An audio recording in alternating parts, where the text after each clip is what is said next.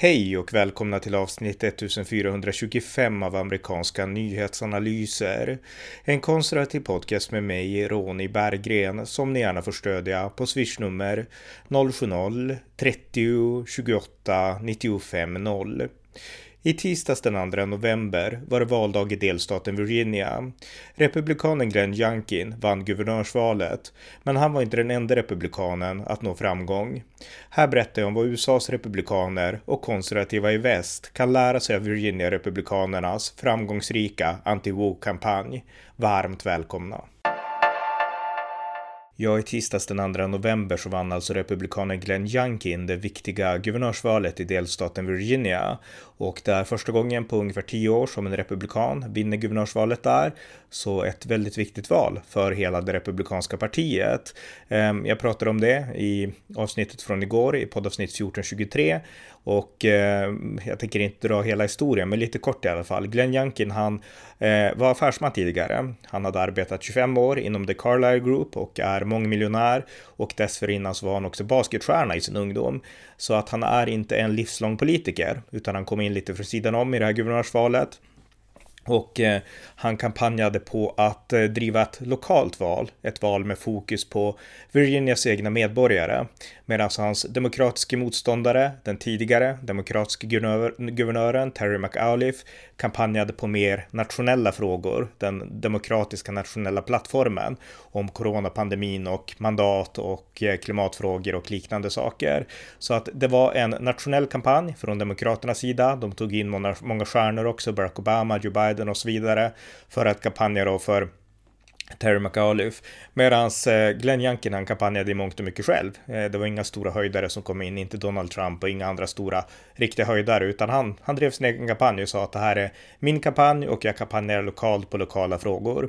Och den stora frågan som hamnade i centrum för det här valet, det var frågan om critical race theory i, i, de, i skolorna, i grundskolorna i delstaten Virginia.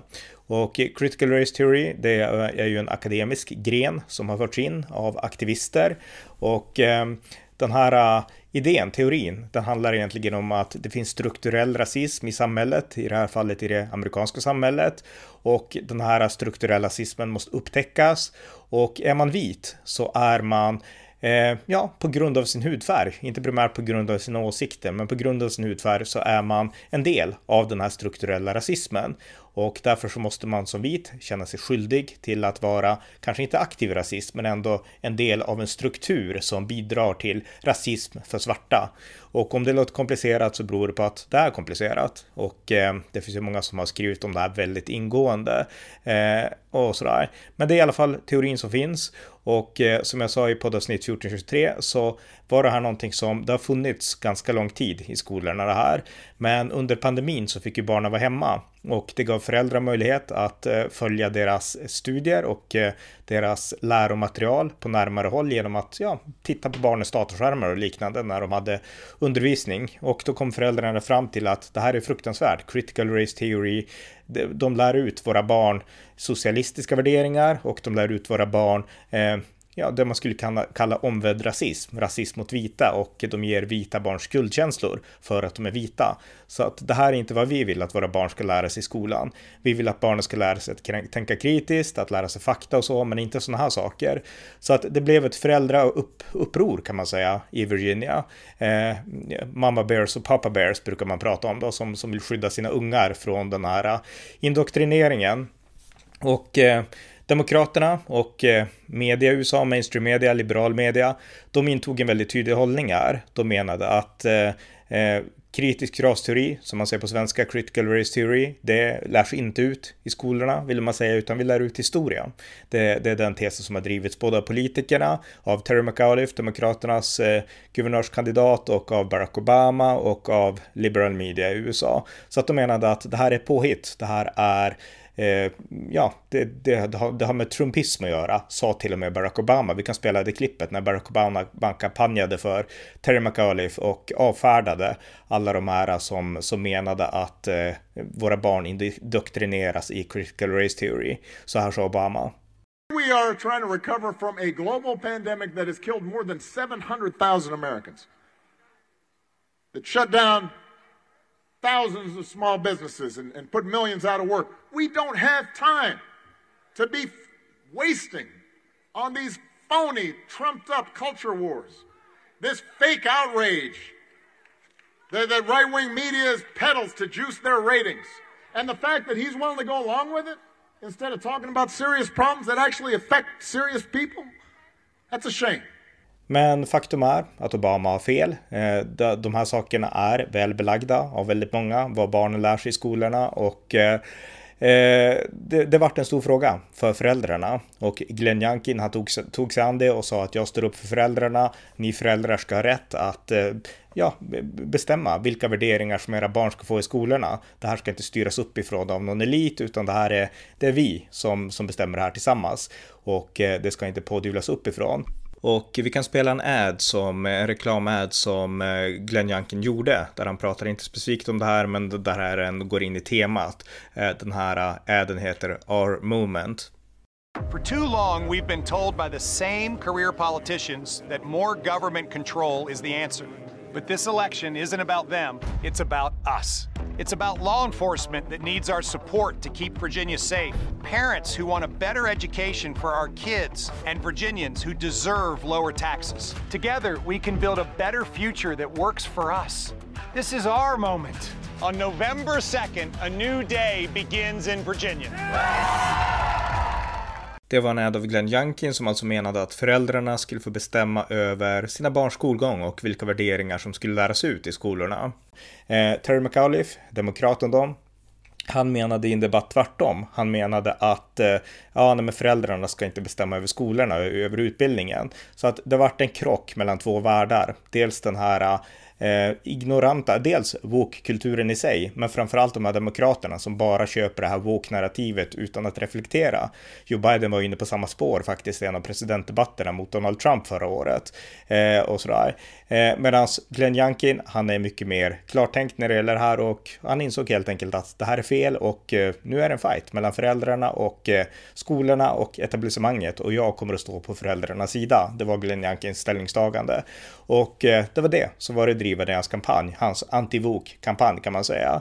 Och eh, han pratar om andra frågor också såklart, liksom lägre skatter och liknande. Men det var den här frågan som var drivande och Glenn Youngkin vann och han gjorde det på grund av den här frågan, på grund av att han hade en bra personlighet och på grund av att han lyckades locka väljare som Donald Trump inte kunde locka, nämligen moderata väljare, mittenväljare och eh, kvinnor inte minst. Donald Trump förlorade Virginia med 10 procent mot Joe Biden förra året, i presidentvalet, medan Glenn Youngkin vann de grupper som Donald Trump inte vann. Och eh, Glenn Youngkin lät inte heller Donald Trump kampanja för honom, utan han sa att det här är mitt race och eh, Donald Trump, jag känner till dig och sådär och eh, ja, och så, men, men han körde sitt race. Så att han gick väldigt eh, tydligt en mellangång här, eh, Glenn Youngkin. Han var inte anti-Trump, som till exempel i Shane och Adam Kinzinger, eh, men han var inte heller någon som ställde sig i liksom mägarrörelsen och sa att ja, Trump är bäst och valet var stulet och sådär. Han höll inte på sig, utan han pratade om det här handlar om Virginia, det är jag som är kandidat och eh, jag välkomnar alla som vill stödja mig. Så det var så han vann. Så att Glenn Youngkin vann valet och det här är ett historiskt eh, var ett historiskt val, en historisk seger för honom såklart, men även för hela det republikanska partiet i hela USA. Men det är inte det här som jag tänkte prata om i det här avsnittet, för det här har jag pratat om redan, utan det här var bara en kort eh, sammanfattning då av det som skedde i själva guvernörsvalet. Men det hände så mycket annat i Virginia också den 2 november och det hände i exakt samma anda som, som, som drev eh, Glenn Youngkin till seger. Så jag tänkte berätta lite grann om de andra segrarna som också vanns av republikanerna i Virginia. För den 2 november 2021 var historiskt. Eh, dels så vann republikanerna makten i delstatskongressen, Virginia House of eh, Delegates, Delegates som det heter, där man har 100 platser och som, som röstar varannat år. Och eh, Demokraterna hade dessförinnan ledning med 55 mot 45 platser, så att de hade majoritet i Virginia House of Delegates. Nu efter tisdagen så har Republikanerna tagit över med 52 mot 48 för Demokraterna. Och jag tror att det är något som inte är färdigräknat, något distrikt och kanske någon enskild ledamot, så att det kan förändras lite grann. Men Republikanerna kommer att styra Virginia House of Delegates, så att det är en enorm seger där för Republikanerna. Och vi ska komma ihåg att det här sker i en delstat som de senaste tio åren har blivit blåare och blåare, alltså allt mer demokratiskt. Eh, och eh, det, det, här är historiskt för, för Republikanerna att kunna kom, göra comeback så här. Men det är bara en ytterligare seger utöver Glenn Youngkins. Eh, därtill så hölls det val för Lieutenant Governor, alltså biträdande guvernör. Och där vann också en republikan och det var en kvinna, en svart kvinna, en svart kvinnlig republikan som heter Winsome Sears. Hon är eh, från Jamaica. Hon är född på Jamaica och hennes föräldrar invandrade fattiga till USA.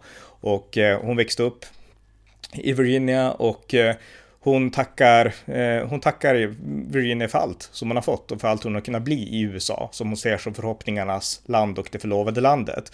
Och critical race theory, som jag var inne på, det handlar om att svarta är utsatta för eh, ja, strukturellt förtryck och Winsome Sears köper inte det alls. Och när hon kampanjade i våras så sa hon så här på Fox News om critical race theory. Här är ett klipp från Winsome Sears. Now, I do want to, to say that we are all about uh, school choice.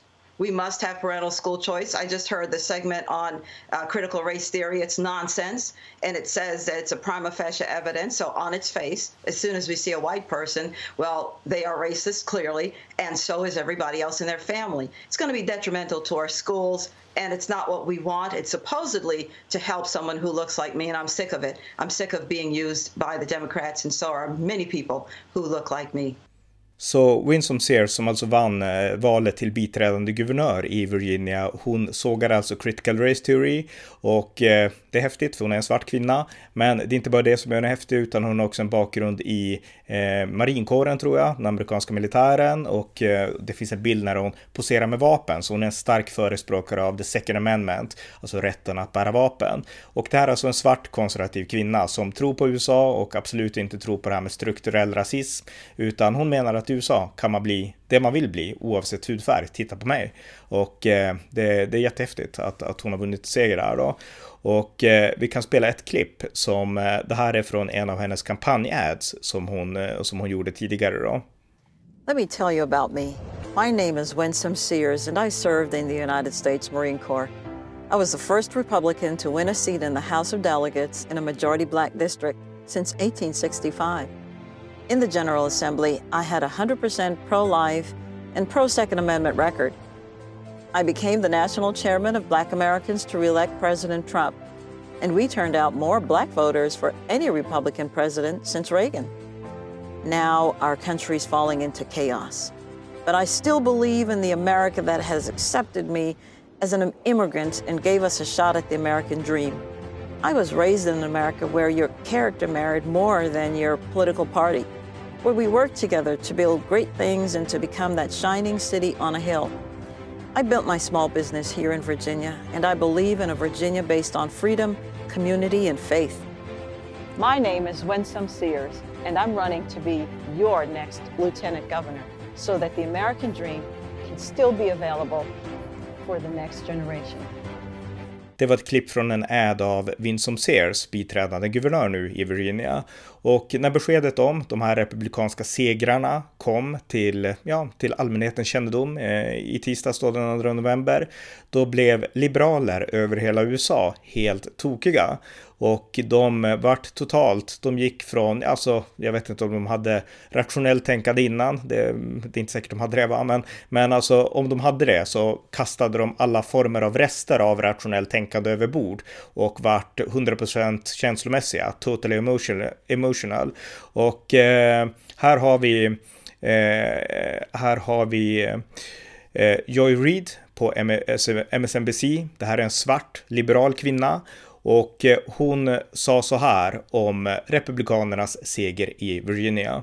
You have to be willing to vocalize that these Republicans are dangerous. That this isn't a party that's just another political party that disagrees with us on tax policy. That at this point, they're dangerous. They're dangerous to our national security because stoking that kind of soft white nationalism eventually leads to the hardcore stuff. Och vid ett annat tillfälle så sa ju Reid så här. Well, Trump approved Republican Glenn Youngkin's closing message to Virginia voters has almost singularly, singularly fo focused on weaponizing race, stoking hysteria over the coded boogeyman of critical race theory, which is not currently taught in any Virginia public school. Och eh, just det här klippet då av, eh, av Joy Reid, eh, det kommenterades av av Vincent Sears då, som, som sa så här om det uttalandet på Fox News. I wish Joy Reid would invite me on her show. I'm let's see if she's woman enough to do that. She talks about white supremacy. Does she know that I ran against a white supremacist? I mean, Joy, come on, get your facts straight and then come talk to me. Så en debatt där mellan två svarta kvinnor, konservativa Winsome Sears och eh, liberala eh, Joy Reid om, ja, om valet, om vad valet handlade om i Virginia. Så att eh, en catfight mellan två svarta kvinnor, en liberal och konservativ kvinna där och vi får se helt enkelt om Joy Reid vågar bjuda in eh, Vinson Sears till sitt, sitt tv-program. Vi får se helt enkelt. Men det är rätt häftigt då, utöver guvernören och utöver att eh, eh Republikanerna vann delstatsrepresentanthuset eh, så vann också eh, ja, Vinson Sears och blev biträdande guvernör då. Men det är inte slut där, utan det var också ett annat stort val i Virginia och det var valet till Attorney General, alltså delstatsåklagare. Och eh, där så kandiderade en republikansk man som hette Jason Myers och han är speciell därför att han är son till en flykting från Kuba. Han är alltså latinoamerikansk och eh, hispanic och eh, han kampanjade på att stärka rättsväsendet i Virginia och stärka polisen. Det finns ju en total eh, ja, antipolisrörelse i spåren av Black Lives Matter och en del av hela den här VOK-kulturen då som vill defund the polis, alltså avfinansiera polisen, ta bort eh, finansiellt, eh, ja, finansiering av polisväsendet. Och det här är en rörelse som fick luft under vingarna efter George Floyds död förra året, den här svarta mannen som var väldigt drogpåverkad när han tragiskt nog dog när polisen skulle omhänderta honom. Eh, men sedan dess har det funnits en Defund the Police Movement, movement eh, rörelse. Den här republikanen, Jason Myers, han kandiderade på exakt motsatt budskap. Han sa att vi måste finansiera polisen i Virginia. Och eh, så här sa Jason Myers när han lanserade sin valkampanj för ett år sedan nu. The government of the Commonwealth of Virginia has one basic job keep our people safe and secure. Before anything else, that's the job.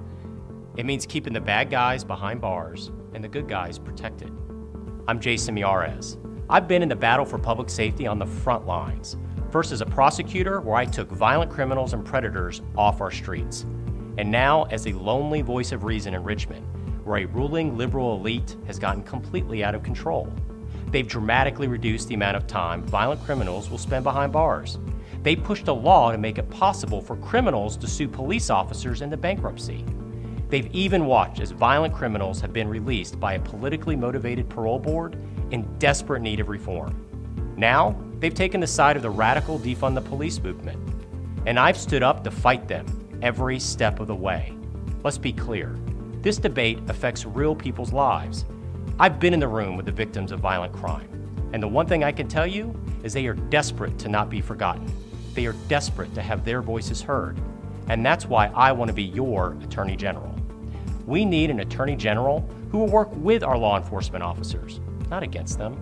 I'll defend the police, not defund them, and give them the tools to do their job. Och eh, här har vi alltså en person med latinamerikanskt påbrå som vill finansiera polisen och eh, Virginias eh, polisfack, Virginia Police Benevolent Association, de endorsade Jason Maris för, för Attorney General och för ja, riksåklagare. Så att eh, polisorganisationen i Virginia gav sitt stöd till, till Jason Maris. Det var honom de stödde och han vann. Han vann valet och eh, han vars mor flydde från Kuba och som själv är tydlig antisocialist därför att han har fått veta hur det var i ett socialistiskt land i Kuba och som tror på USA. Han vinner ett val i Virginia, den alltmer blå delstaten och han vinner ett val trots att han inte heller är vit, precis som eh, biträdande guvernören inte är det, utan han har latinamerikanskt påbrå och han vinner i alla fall. Så att det är ju otroligt häftigt alltså och han kommer att, och han vinner dessutom på en fråga som många inom Black Lives Matter har helt motsatt syn än honom på. Alltså han vinner genom att förklara att jag ska stärka polisen. Eh, det är otroligt häftigt och en otrolig framgång för Republikanerna som också har drivit den här frågan då. Eh, så att det här kan man då tycka att det här borde innebära då att eh, ja, Demokraterna borde inse att nu gör Republikanerna något, något rätt. Men så enkelt har det inte varit, utan eh, åsikterna om det som hände den 2 november 2021, alltså den här stora republikanska segervågen i Virginia. Det har kommenterats kritiskt även av andra och även av andra svarta och CNN, de har ju en kommentator som heter Fan Jones, en svart man och han han, eh, ja, han drog en parallell som var så absurd att det inte ens är någon vits att förklara den, utan lyssna här. Så här sa Fan Jones om Republikanernas seger i Virginia på CNN eh, direkt efter valet, eller i samband med valet.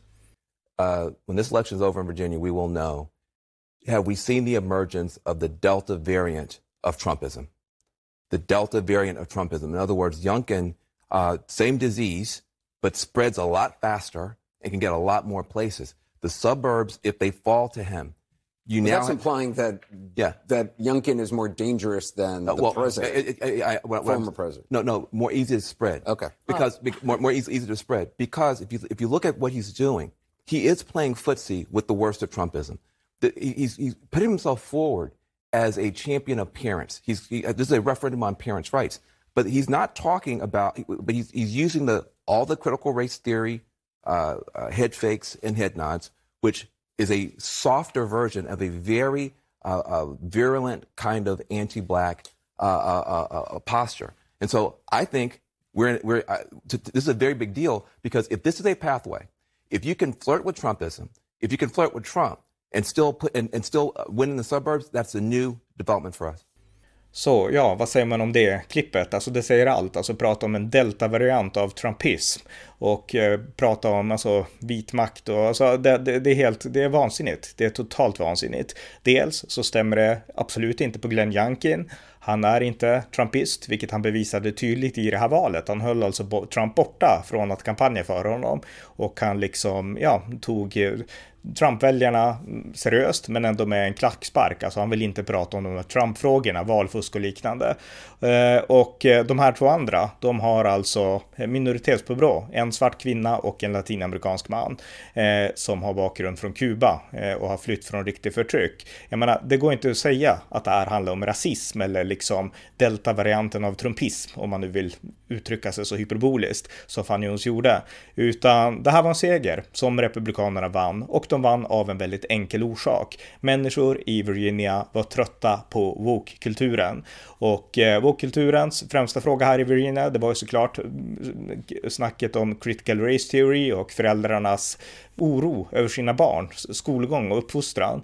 Eh, men det var bara en komponent. En annan komponent var det här med att ska vi finansiera polisväsendet eller ska vi inte göra det? Eh, och eh, Eh, Virginia har helt enkelt tagit ledningen i kampen mot woke-kulturen. Och eh, Ari Fleischer, som jobbade åt George W. Bush, han kommenterade på Fox News och han sa att för att sätta ett finger på det som händer i Virginia så är det ett eh, en anti-woke rebellion, sa han helt enkelt. Att det är det som händer i Virginia, en, ett anti-woke rebellion. Och eh, jag tycker han sa helt rätt, det är precis det det handlar om. Och eh, och man kan tycka att det borde demokraterna förstå också. Och det finns eh, enskilda demokrater så, som, som har konstaterat att, att det ligger nog en hel del i det. Och det är eh, James Carville som är en demokratisk rådgivare och som arbetat åt Clinton och så här. Och han tillstod helt enkelt att demokraterna eh, förlorade på grund av hela den här eh, antivok eh, ja, rörelsen och på grund av att demokraterna själva då har fastnat i, i woke-träsket menade han, eh, James Carville. Men de flesta demokrater har inte dragit de slutsatserna än ska sägas, utan de blev fortfarande kvar i den här bubblan och menar att den här segern som vi aldrig kunde förutse, den beror på trumpism och liknande saker. Men det är faktiskt inte så mycket som tyder på att så skulle vara fallet.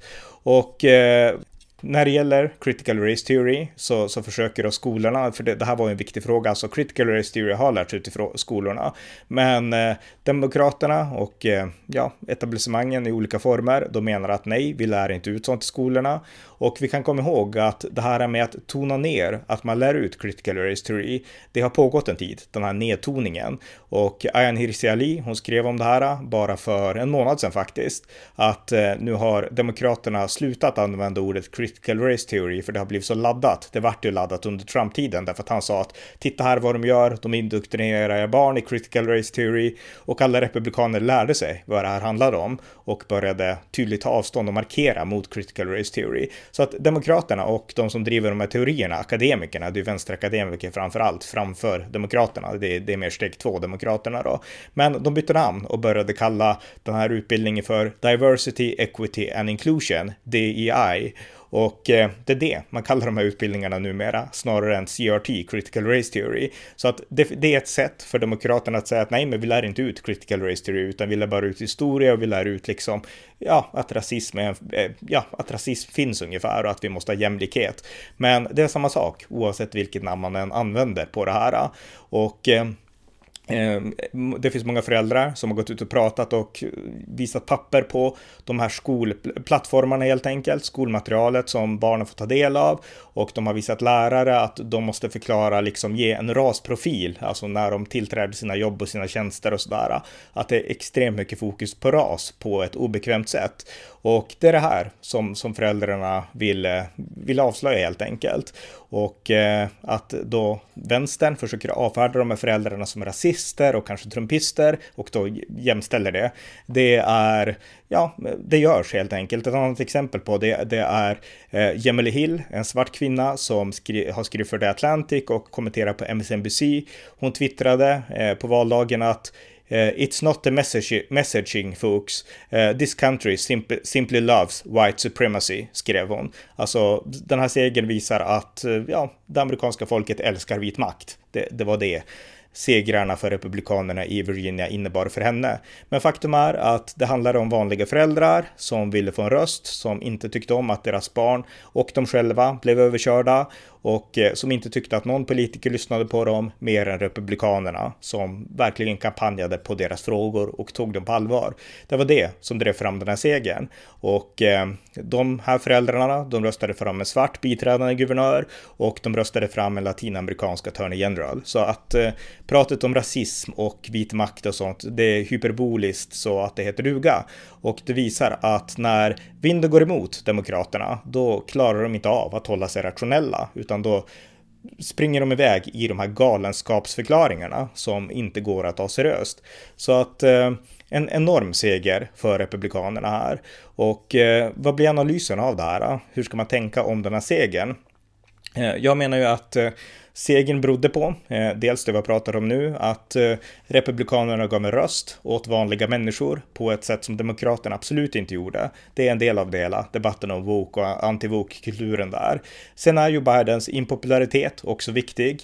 Eh, vi ska komma ihåg att Virginia är en delstat med, jag tror att de har nationens högsta antal av militärer och av eh, eh, militärveteraner, många som har tjänstgjort i Afghanistan och liknande. Och eh, Joe Biden, hans popularitet har ju fallit enormt och eh, grundorsaken till det är fiaskot i Afghanistan.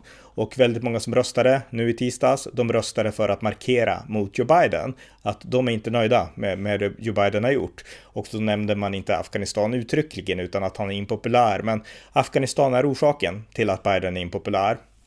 Och eh, Virginia har ju väldigt många ja, militärer och soldater och sådär, så att det är säkert en orsak också. Så att det finns olika faktorer. Men det republikanerna verkligen kan lära sig här nu av det här, det är också att eh, det går att vinna eh, kampen i kulturkriget. Eh, amerikaner är trötta på hela den här woke-kulturen som handlar om critical race theory, som handlar om defund the police och som handlar om väldigt mycket annat som, som eh, hela woke-kulturen går ut på. Då. Men amerikaner har tröttnat. Nu är de less. Nu har den amerikanska befolkningen sett igenom det här. De är less på lockdowns inte minst. Och eh, det här är en vinnande fråga, ett vinnande koncept för republikanerna. Och och det här är ett viktigt och Det här är en fråga som kan vinnas utan att man eh, embracear, omfamnar Donald Trump. För det var exakt det som Glenn Youngkin inte gjorde. Eh, det finns, eh, jag läste en artikel nyss på Samnytt eh, och eh, där skrev de att, eh, att, eh, ja, att Glenn Youngkin vann, men sen betonade man också att Donald Trump hade liksom gett stöd och sådär. Och visst, Donald Trump gav det stöd han tillät ge, men han fick inte komma dit och kampanja för Glenn Youngkin. Glenn Youngkin tog inte liksom det här som Trump brukar prata om på allvar, utan han pratade om sina egna saker och sa att det här är min kampanj. Så att det han har visat, det är att man kan vinna på de här viktiga frågorna, som Trump var en av de första att lyfta, därför att det blev aktuellt när Trump råkade vara president. Eh, men eh, man måste inte ha med Trump på tåget för att lyfta de här frågorna och för att kunna segra genom att prata om de här frågorna, utan kanske till och med tvärtom. Genom att vara en personlighet av ett annat slag, Glenn Youngkin hänvisade till George W. Bush mer än till Donald Trump, eh, så kan man vinna andra väljare, i Glenn Youngkins fall kvinnor och oberoende väljare, som Trump inte kunde vinna. Och eh, man kan vinna dem och samtidigt kompromisslöst kampanja hårt på de här republikanska frågorna. Att vara för USA, tro på nationen och eh, vara emot den här vok-kulturen då. Så att det här är verkligen vägen framåt för republikanerna inför nästa års mellanårsval och inför presidentvalet 2024. Så att eh, Republikanerna i Virginia, Thomas Jeffersons delstat, de har verkligen visat hur Republikanerna som parti ska göra för att ta ledningen i USA och leda landet framåt. Både till politiska segrar, till segrar i kulturkriget och till att återupprätta den amerikanska identiteten. Så att det här har varit verkligen en stor, enorm framgång för Republikanerna som parti och eh, den här framgången nåddes i Virginia, inte bara av Glenn Youngkin utan även av alla andra som jag nämnt i den här podden. Det var avsnitt 1425 av amerikanska nyhetsanalyser. En ideell konservativ podcast om amerikansk och internationell politik. Podden är gratis och öppen för alla, men ni som vill får däremot väldigt gärna stödja med slant. Antingen på swishnummer 070-30 28 95 0 eller via hemsidan usapool.blogspot.com på Paypal, Patreon eller bankkonto. Det var allt för idag. Tack för att ni har lyssnat. Música